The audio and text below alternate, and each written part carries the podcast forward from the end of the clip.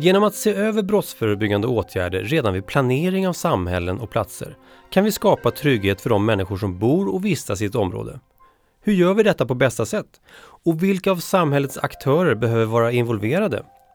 Det diskuteras i det här avsnittet av Snack om brott special av en panel vid ett seminarium som Brå arrangerade under Almedalen 2019. Medverkar gör Karin Svanberg, enhetschef på Brå, Maria Eggertsen Teder, arkitekt på Boverket, Sofie Adolfsson Jörby, enhetschef på Boverket, Bodil Hansson, kommunstyrelsens vice ordförande i Sundsvall, socialdemokrat, och Magnus Ydmark, stadsbyggnadsdirektör i Sundsvall. Moderator är Willy Silberstein.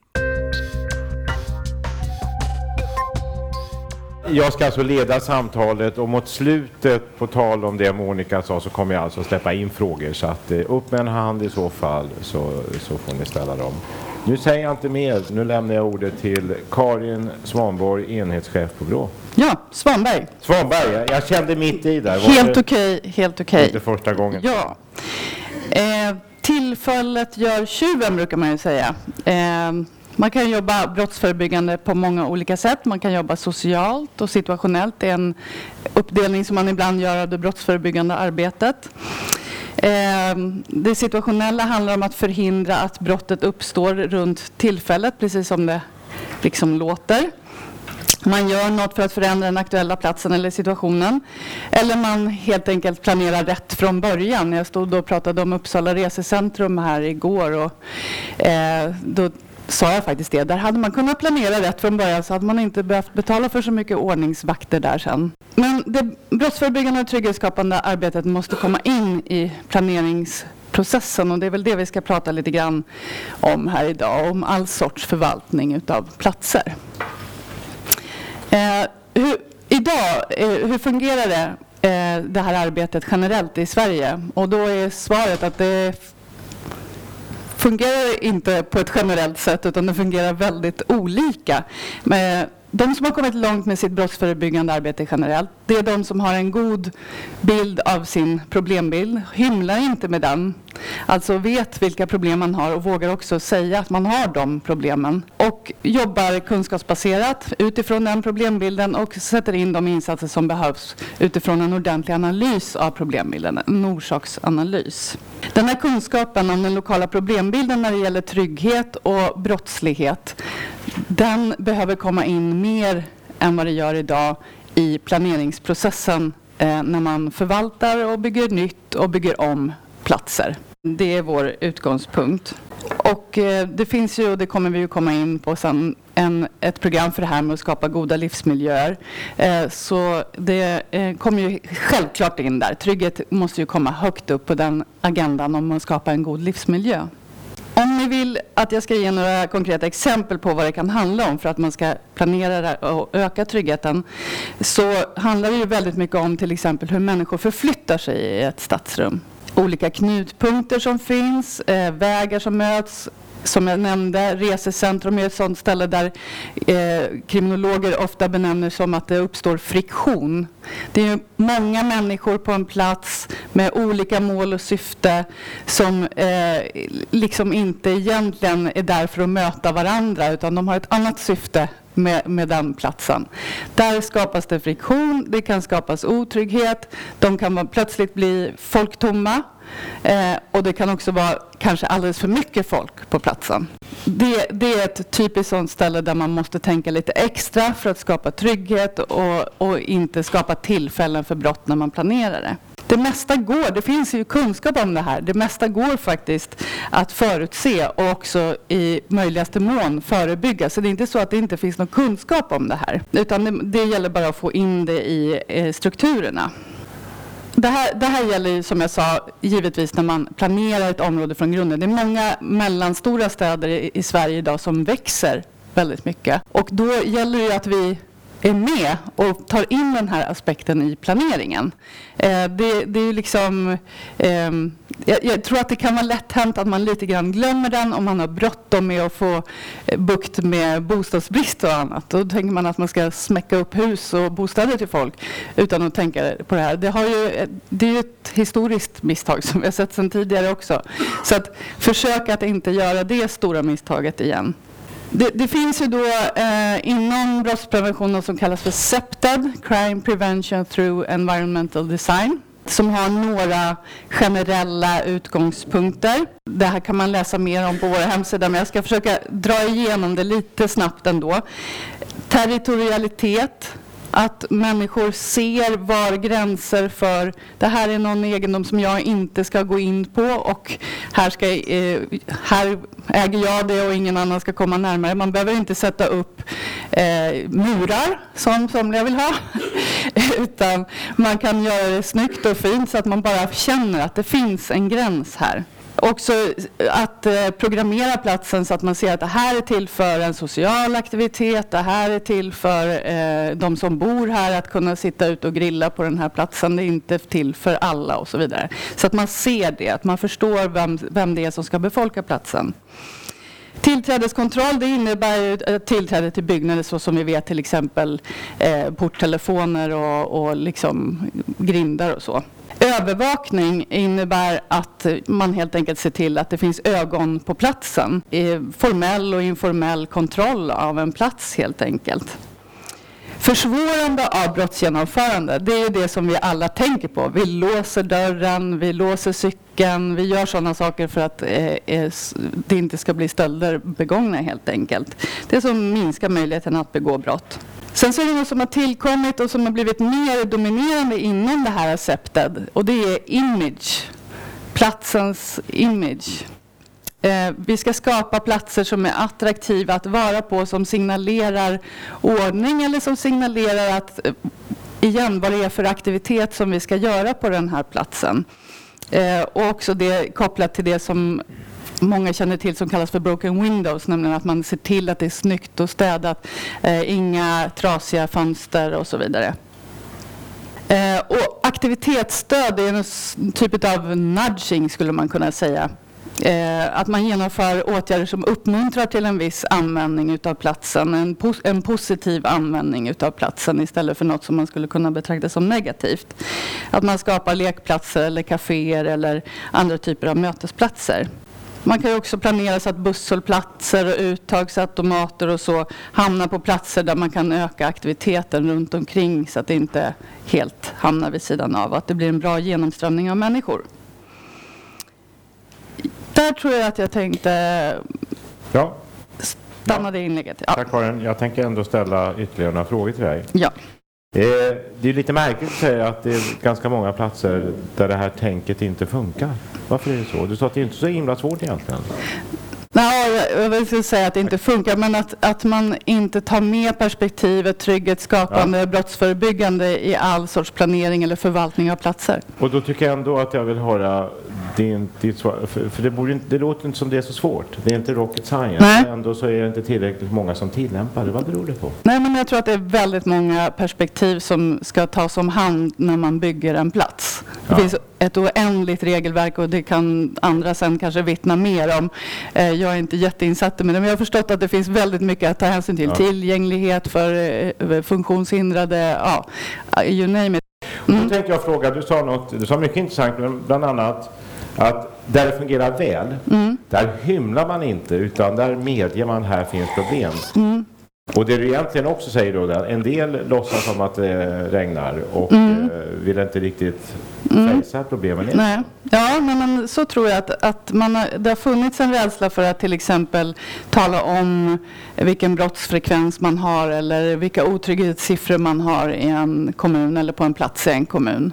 Men är det också så då att eh, Även idag så byggs det en del sådana här gemensamma rum där man fortfarande inte tillräckligt väger in de här aspekterna och i onödan eh, för det med sig en otrygghet. Ja, jag, jag kan ju inte säga det med någon sorts jättesäkerhet eh, att de all, att det aldrig tas med. Men nej, inte aldrig tas, oh, hjälp. Nej, inte aldrig tas nej, med. Nej. Kan du dra ner mig lite för jag tar in som du hör när jag går igång. Eh, men att man ändå inte i tillräcklig utsträckning ja, nej, men, tar in det. Ja, ja men det, det, ställer, det skriver jag under på. Ja. Att man skulle kunna ta, eh, ta hänsyn till det mer. Men sen så finns det ju liksom, eh, förutom det här med att det finns en massa aspekter och regler eh, som, som tävlar med det här perspektivet så, så finns det ju också eh, jag menar vilket samhälle vill vi ha? Liksom? Om man går för långt med vissa av de här aspekterna som jag räknade upp i, under, i SEPTED, då blir det ju ett, eh, ett, ett säkerhetsnojigt samhälle. Alltså man vill ju också ha en spännande stad och en liksom, och det var det jag menade med det här med attraktivitet och image, att det också är viktigt att man liksom inte, inte ja. Gör det tråkigt och Nej men precis, det ska inte vara Gilead. Liksom, det, det, det, nej, man, det måste ju vara, det måste också vara trevligt, trivsamt och lite spännande att bo i en stad. Och i, ja. ja, och för att ändå summera då så kan man ändå säga att egentligen det, det, det är inte så svårt och det behövs inte några drastiska åtgärder men relativt rimliga åtgärder kan mm. man skapa ett väldigt tryggt ja. gemensamt rum. Absolut. Tack så här långt Karin. Mm. Eh, du får en applåd tror jag. Och jag hade ju rätt. Och du kommer tillbaka sen och då ber jag Maria eh, Teder eller Teder, det borde jag också ha kollat, och eh, Sofie Adolfsson Jörby från Boverket att komma fram båda två. Och Karin, du kan ställa dig kanske lite vid sidan så kommer du tillbaka, Absolut. tänkte jag. Och lämna micken, om det, även om du bjuder dig emot. Tack. Eh, och ni, får, eh, ni kommer ju tillsammans då att eh, eh, hantera mina frågor. Boverket är en viktig aktör här. På vilket sätt då? Och det här för er som då inte vet, det här är Sofie. Ja, jag ställde mig faktiskt. Ja, men bra. Så här. Jaha, det är jag som inte ser den lappen. Nej, ja. och jag kan säga att jag är då enhetschef på Boverket på en enhet som heter Stad och land och vi sysslar med mellanrummen mellan husen kan man säga i stort mm. sett. Ja.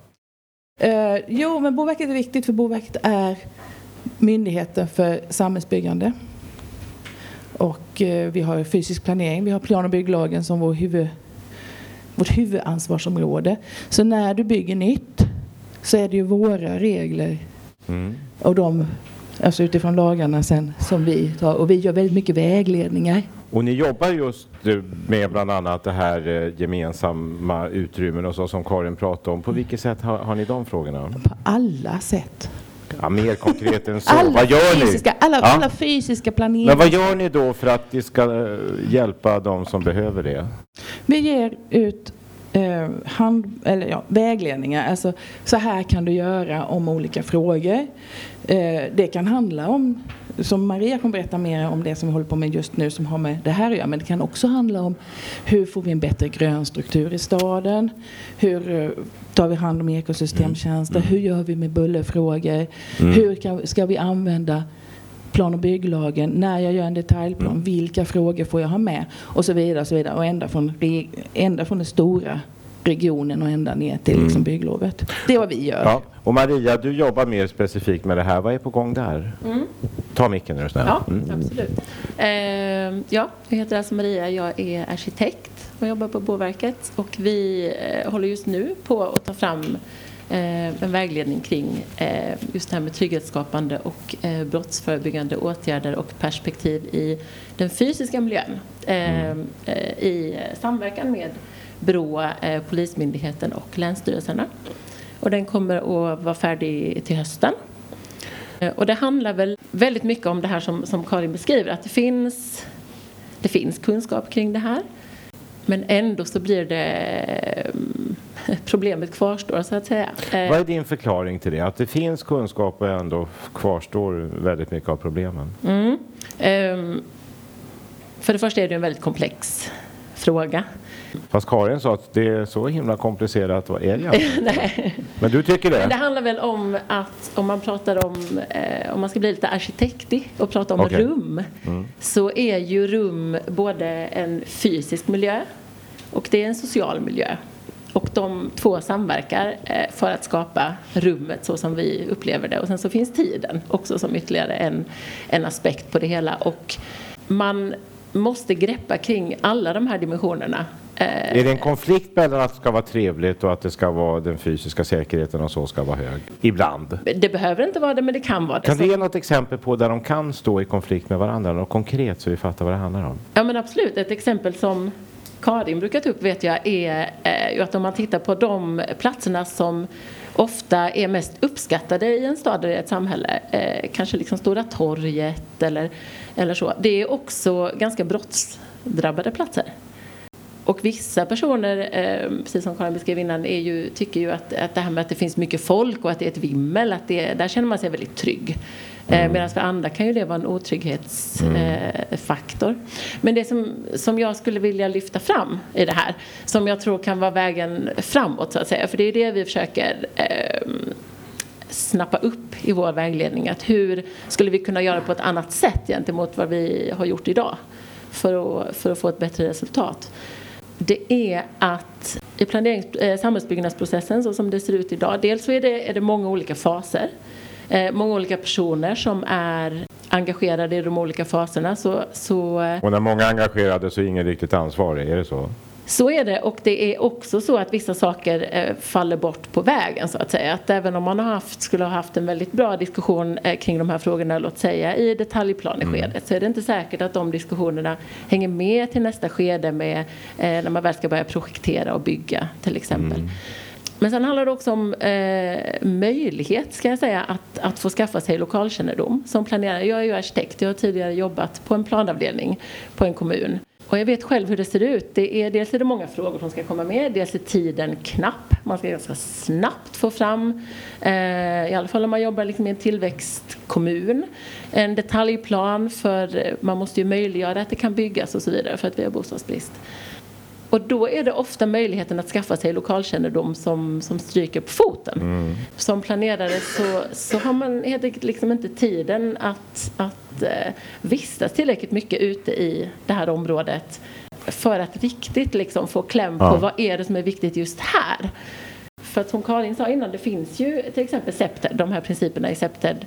Eh, och allt det här är ju gott och väl. Och, eh, och till exempel eh, en annan sak, men ändamålsenlig belysning. Det är aldrig fel att jobba med ändamålsenlig belysning.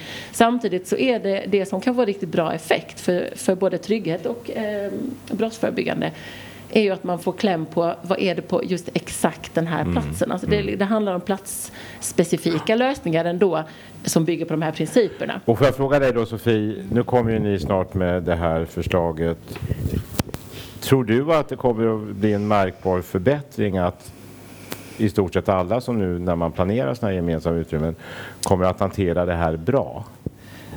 På grund av vår vägledning. Ja, kan kommer... man, man, kan ju alltid jo, hoppas. Men, men nu ska vi vara realistiska vad du tror, alltså inte det där jag ska drömmar. Jag, Maria säger som ska säga att jag ska säga ja, men naturligtvis så blir det ju inte så Nej. på det, utan det är ju fortfarande det här steg på vägen. Mycket handlar ju om att förstå när man är den som är ansvarig för en plan är ju planeraren. Att förstå, ja men jag måste ha med andra som kan saker, mm. som kan de här grejerna. Mm. Och så måste man ju från olika håll begripa att ja, men brottsförebyggande, trygghetsskapande åtgärder, det är en sak. Vi har ju massa annat och så ska man få ihop det. Och sen tror jag också att tricket, där vi kanske förhoppningsvis kan hjälpa till, det är det här att se till att det kommer med hela vägen. Mm. För sen kommer det in, ja, har man exploatörer till exempel och säger att ah, det där är så dyrt, vi gör inte så.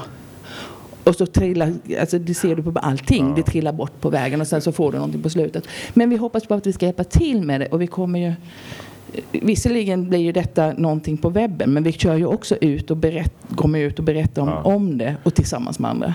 Så om de inte gör som ni säger så ska ni, de borde ändå veta att de gör fel om de inte följer det, er tänk, kan man säga så? Ja, ja. Eh, eller i alla fall ta till sig så mycket ja. av vårt tänk så att de kan tänka ett snäpp till ja. för, eh, och kanske komma ännu bättre fram än vad vi mm. kan göra med vårt. Vi tackar er så här långt. Eh, ställ er hos Karin och ni får en applåd. Alla ska applåder. Tack. Magnus Rydmark, stadsbyggnadsdirektör i Sundsvall. Känner du igen dig i den här bilden att det finns en risk att de här kloka tankarna och kunskapen som faktiskt finns kring trygghet, att de lite riskerar att försvinna på vägen?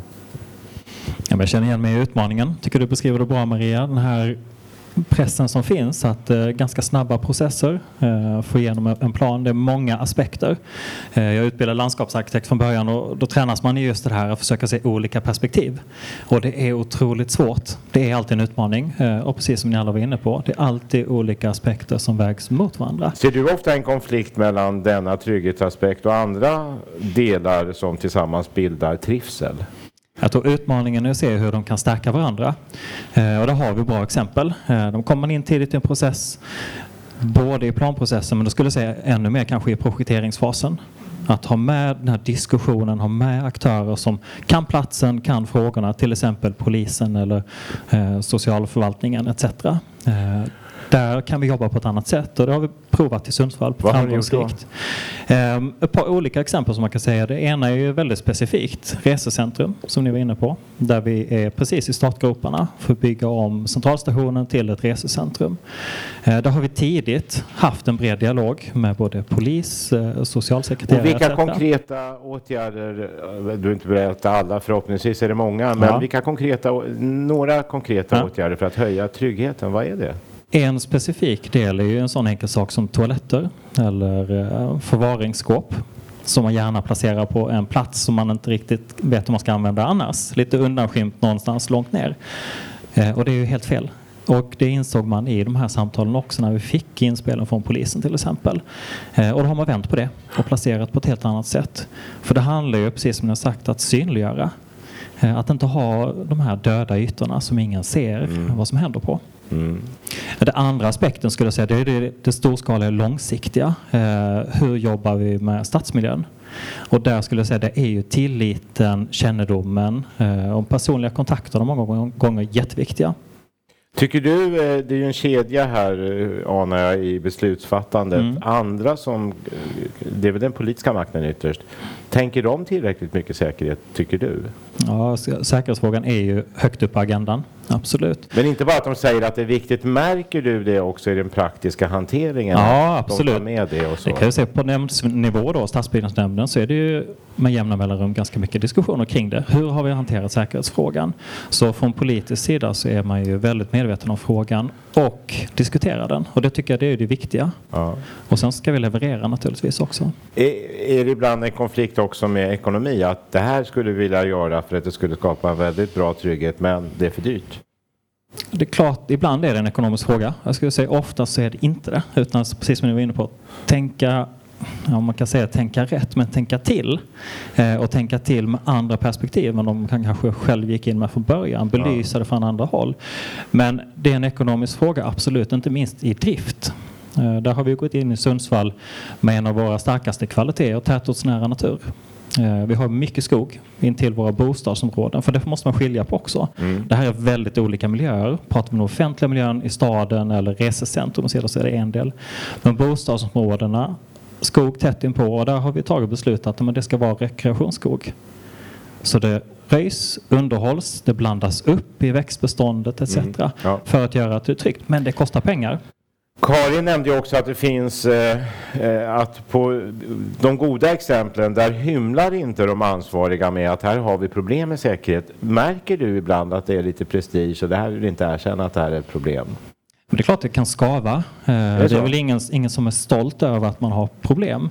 Eh, Men precis som- du säger, tycker jag det första förutsättningen är att erkänna att här har vi en utmaning. Men skaver det så mycket så att man ibland inte ser, vill se riktigt problemen tycker du? Jag tycker det som vi har sett i Sundsvall är ju att det är snarare tvärtom. Det motiverar att men nu måste vi ta tag i det här tillsammans. Ja. Eh, Och det är den andra delen, att det finns inte en aktör som kan lösa det.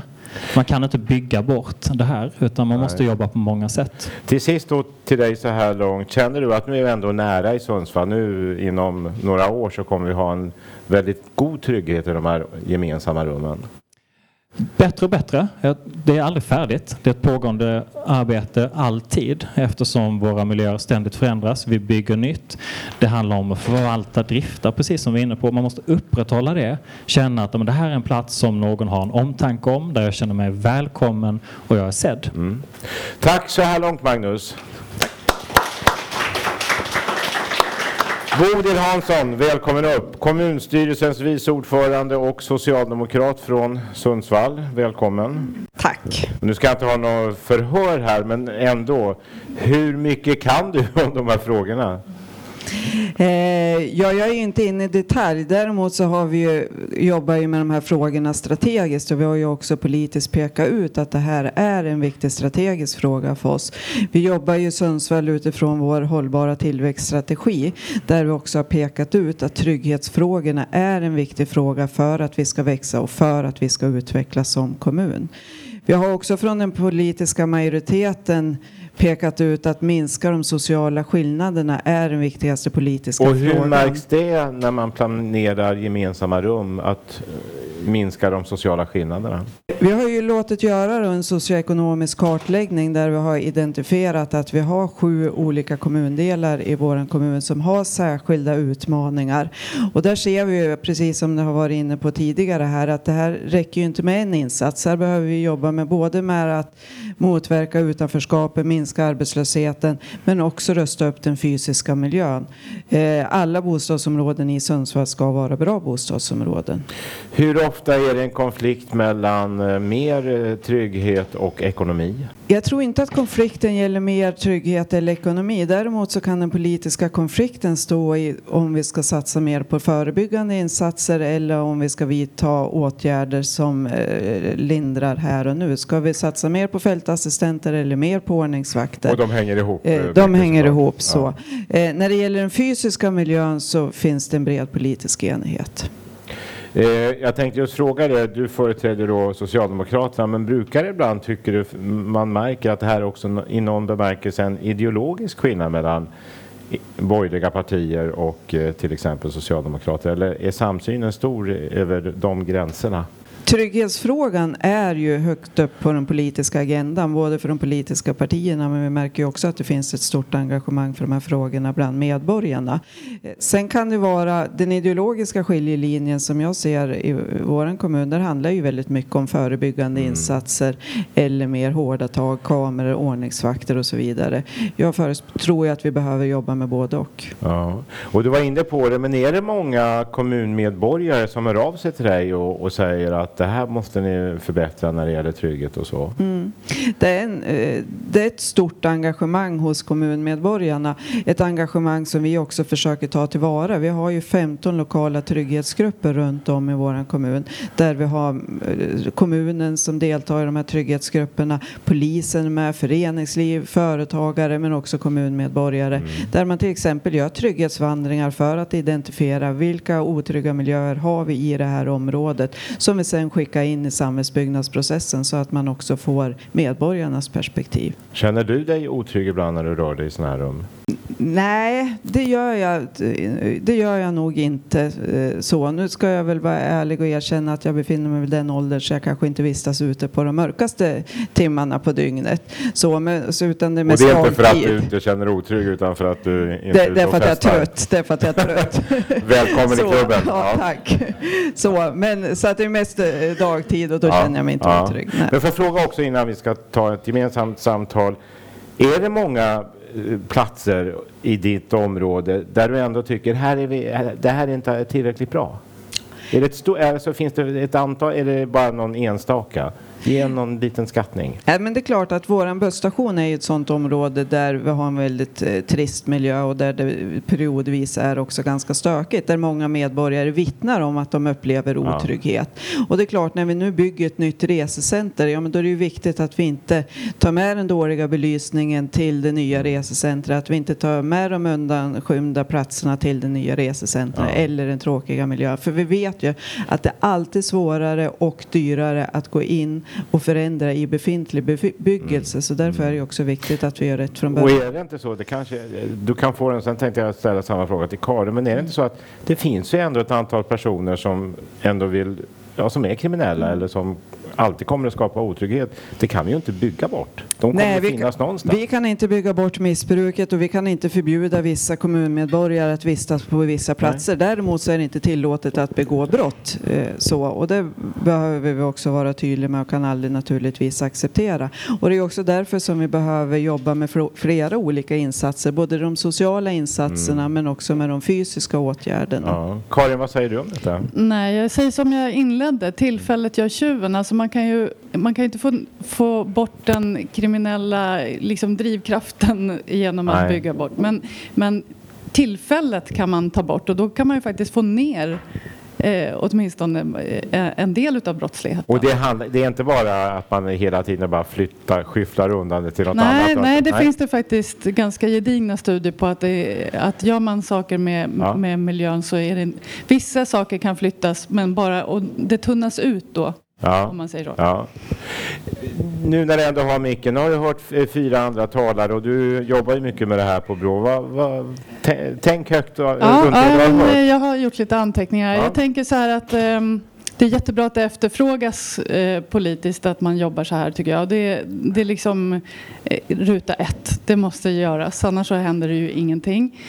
Det, det ju vi ser är att eh, när du pratar om den här politiska skiljelinjen att man, och du pratar om det hårdare tag eller inte hårdare tag.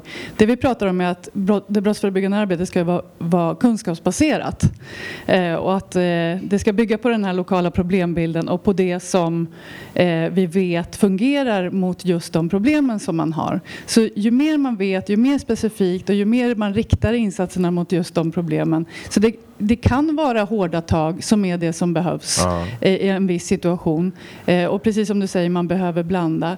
Eh, Men man behöver också veta om, om det är just ordningsvakter som kan råda bot på det här problemet eller inte. Och ordningsvakter känns ju lite grann som en sån sak när det gäller kanske resecentrum som man måste ta till för att man har tänkt fel i, i den här processen som vi pratar om här.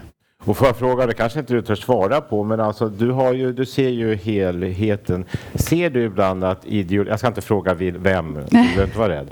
Men ser du ibland att ideologin lite får företräde framför kunskap om vad man bör göra? Ja, alltså, ja, men, jag, det jag kan se, om jag, om jag riktigt hårdrar, om jag nästan gör en sketch av det vi ser, så är det liksom att eh, en sida säger att ja, men det är fritidsgårdar och den andra sidan säger kameror. Eh, och, och det, det är liksom, eller efterfrågar och beställer kameror och beställer fritidsgårdar för att de ser att det är lösningen på problemet. Med, utan att titta på den lokala problembilden. Man kanske bara tänker att ja, men det är ungdomar som eh, hänger som är problemet och då är det fritidsgårdar som är lösningen. Eller kameror som är lösningen. Fastän det kanske inte ens är Vadå, ungdomar är väl inte ett problem liksom. Eh, så att man måste rota, man måste kunna saker om sitt problem och det här kan ju inte politikerna sitta och rota utan det måste ju tjänstemännen ta fram. Man måste lita på att tjänstemännen och beställa att tjänstemännen tar fram en god bild av problemen när det gäller brott Och ser du ofta, återigen jag ska inte fråga vem, men se, ser du ofta att politikerna mer tänker på insändarsidan och ledarsidan i lokaltidningen än på att anlita tjänsteman men och be dem ta, dem ta fram underlag? Ja, jag vet inte om det har med media att göra, kanske mera valrörelse kanske. Att man lovar saker i en valrörelse. Att man säger att ja, men, och har gjort liksom analysen och säger att ja, men då sätter vi in det här Ja. som botemedel. Istället för att säga det. Tro, det är ju såklart inte en rolig sak för en politiker att säga att då beställer vi ett gott eh, kunskapsunderlag. Eh, det är kanske inte det som funkar i en valrörelse. Så det, det, det, ja. kan, det får man ju ha förståelse för. Ja. Tack så här långt till er alla. Nu tänkte jag släppa ordet fritt om det finns frågor här. Så upp med en hand. Om det inte finns så har jag frågor. Ja, längst ner där. Jag heter Staffan Moberg och kommer från Svensk Försäkring. Eh, Vi tillsatte ju eh, en så kallad trygghetskommission med Fredrik Reinfeldt men, eh, som tar upp lite av de här ämnena. Men jag tänkte faktiskt inte nämna det. Utan jag tänkte nämna ett annat arbete som polisen startade för ungefär 20 år sedan som kom att heta Bo tryggt.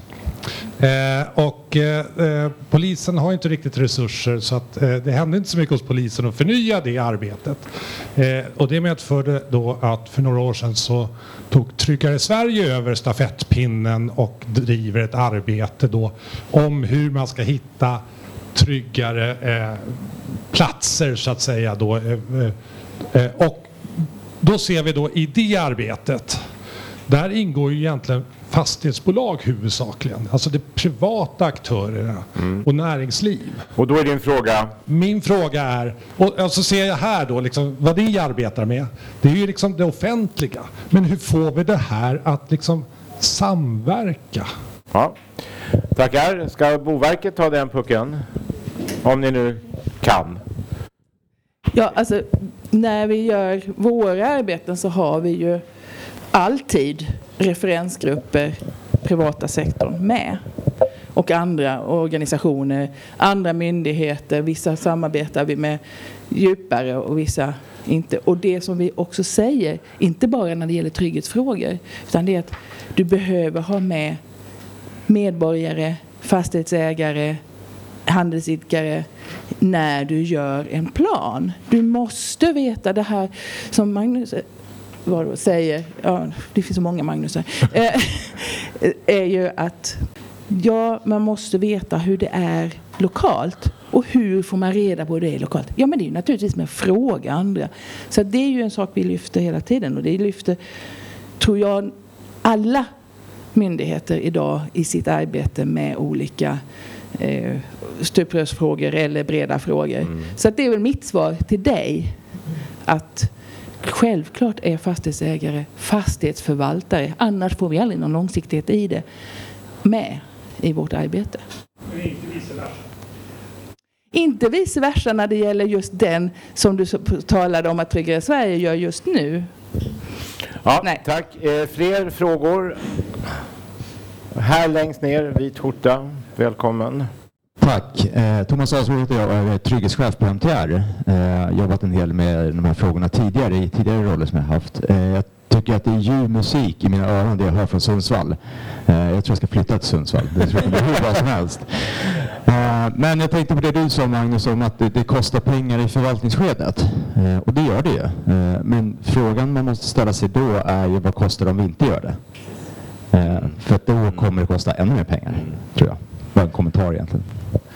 Tack. Ja, absolut. Ja, men det är helt rätt. Ehm, flera kommuner står i ett ekonomiskt svårt läge nu här eh, och precis som många andra så har vi en pågående diskussion i Sundsvall kring hur vi jobbar framöver. Och en sak som vi var tydliga med där är att vi kommer inte spara in på den här delen utan det här är så pass viktigt så klottersanering etc. Allt det där som synliggör att det här är en plats som någon bryr sig om. Det är mm. fortsatt prioriterat. Men händer det ibland Magnus att du knyter näven i fickan och tycker att de här politikerna fattar ju inte? Var ärlig nu. Hur ska jag nu svara? Ärligt, det är det vi gör i Almedalen.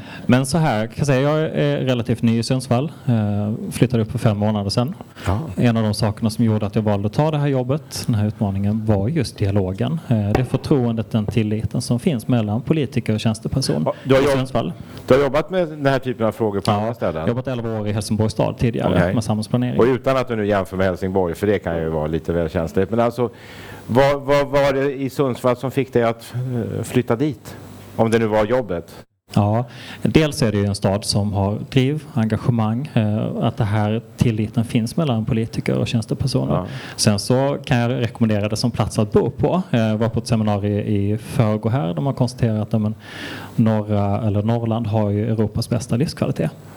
Och det är ganska häftigt och det kan vi också prata om i det här. Vad är det som gör det? För det är en upplevelse som vi som bor där har. Eh, och det tror jag också spär på och synliggör ju liksom att men, överlag så, så mår man väldigt bra och känner sig trygg i samhället. Jag ska betona att detta seminarium är inte sponsrat av Sundsvalls kommun. Det börjar verka lite planterat här och där ska jag säga. Okej, vi har några minuter kvar. Om vi ska summera eh, hur optimistiska ska vi vara? Ska vi, eh, Karin, om du börjar. Känner du, du har jobbat med de här frågorna ett tag, mm. har vi kommit väldigt långt nu? Är vi nära? Alltså, man, det är som alla säger här, man når ju aldrig ända fram. Men börjar vi närma oss ett rimligt uh, lugn? Nej, inte ett rimligt lugn. Jag, jag skulle säga att vi, eh, frågor går ju alltid upp och ner lite så här, trendar lite i politiken och så vidare. Eh, det här har ju varit lite hett en gång tidigare, eller minst en gång tidigare. Eh, och nu känner jag att vi, eh, vi, vi har ju ett uppdrag på Brå att göra, ehm, att göra en bedömning av det brottsförebyggande arbetet varje år i en rapport. Eh, och där har vi nu två år i rad sagt att ja, men det här det, det är någonting som är väldigt viktigt och vi har den, eh, tror jag, lite grann ligger bakom att ni nu har fått det här uppdraget. Eh, att vi vill att det här ska komma ut. Brå kan inte ensamt stå och säga det här utan vi måste säga det enat ihop med de andra myndigheterna. Eh, att, att det är viktigt att få in den här frågan i planeringsprocessen. Eh, så att jag känner att det, eh, det är på G liksom. Det, det på, de som mm. ligger långt fram nu, eh, kanske jag också sponsrar Sundsvall här lite grann, men, men de, de, vet det här. Helsingborg ligger också väldigt långt fram ska jag säga. Men vi måste få med oss de andra Vi Ja. måste få med de här, och, och då tänker jag medelstora och kanske en, li, något mindre städer som kanske inte har riktigt eh, samma resurser. Ni säger att kommunkassan eh, kassan är lite skral på sina håll. Men det är ändå viktigt. Sådana städer som växer framför allt. Där känner jag att Mm. de måste vi få med på tåget så att det inte bara smackas upp Ja. nu. Vad säger ni från Boverket? Eh, vad är er bild? Hur långt ifrån eller nära är vi någon slags rimligt optimum? Ehm, nej men jag tror väl också att det är viktigt att tänka att vi kommer aldrig vara klara med den här frågan. Det är ständigt återkommande, man behöver ständigt arbeta med det här. Men jag tror just när det är, om vi nu pratar om pengar, att i, åtminstone i planeringsskedet så behöver det inte kosta mer pengar att arbeta med de här frågorna. Eh, utan det handlar bara om att hitta rätt eh, partners att samverka med. Så att Jobba säga. Smart. Ja, och eh, så som man eh, jobbar, då ska jag också säga bland annat i Sundsvall. Ja. eh, nej, men där planerarna faktiskt har en direkt dialog med polisen. Man sitter runt samma bord, man tittar på ritningarna, man säger nej, det där kanske inte blir så bra och så vidare. Det, Mm, det är en väldigt bra väg framåt för att får polisen till exempel några planer bara liksom på, på remiss under en samrådsfas. Eh, de vet inte vad de ska titta på. Poliserna är inte arkitekter. Och arkitekterna kan också sitta och, och liksom känna att ja, Ja. mm, mm, så. Så att man, att man liksom eh, samverkar med de som vet och har Ja. en dialog. Där kommer man långt utan att det kostar mer. I en mening var bara Magnus och Bodil. Om fem år om vi står här, kommer ni kunna säga nu är det väldigt tryggt hos oss? Absolut, det är det redan och det kommer ännu mer tryggare. Okej. Nej, men vad jag tycker är viktigast är att det är fortsatt samtal. Ja. Att vi fortsätter på den vägen som vi har i Sundsvall. Jobbar tillsammans med fastighetsägare, med polismyndigheter. Och Bodil måste också få säga något här. Vi kommer alltid behöva jobba med den här frågan. Ja. Det kommer nya generationer, nya aktörer och nya problembilder. Ja. Tack att ni kom, tack till panelen. Du har hört ett avsnitt av Snack om brott special från Brå, inspelat i Almedalen 2019. Medverkade gjorde Karin Svanberg, enhetschef på Brå, Maria Eggertsen Teder, arkitekt på Boverket, Sofie Adolfsson Jörby, enhetschef på Boverket, Bodil Hansson, kommunstyrelsens vice ordförande i Sundsvall, socialdemokrat och Magnus Ydmark, stadsbyggnadsdirektör i Sundsvall. Moderator var Willy Silberstein. Tack för att du lyssnade!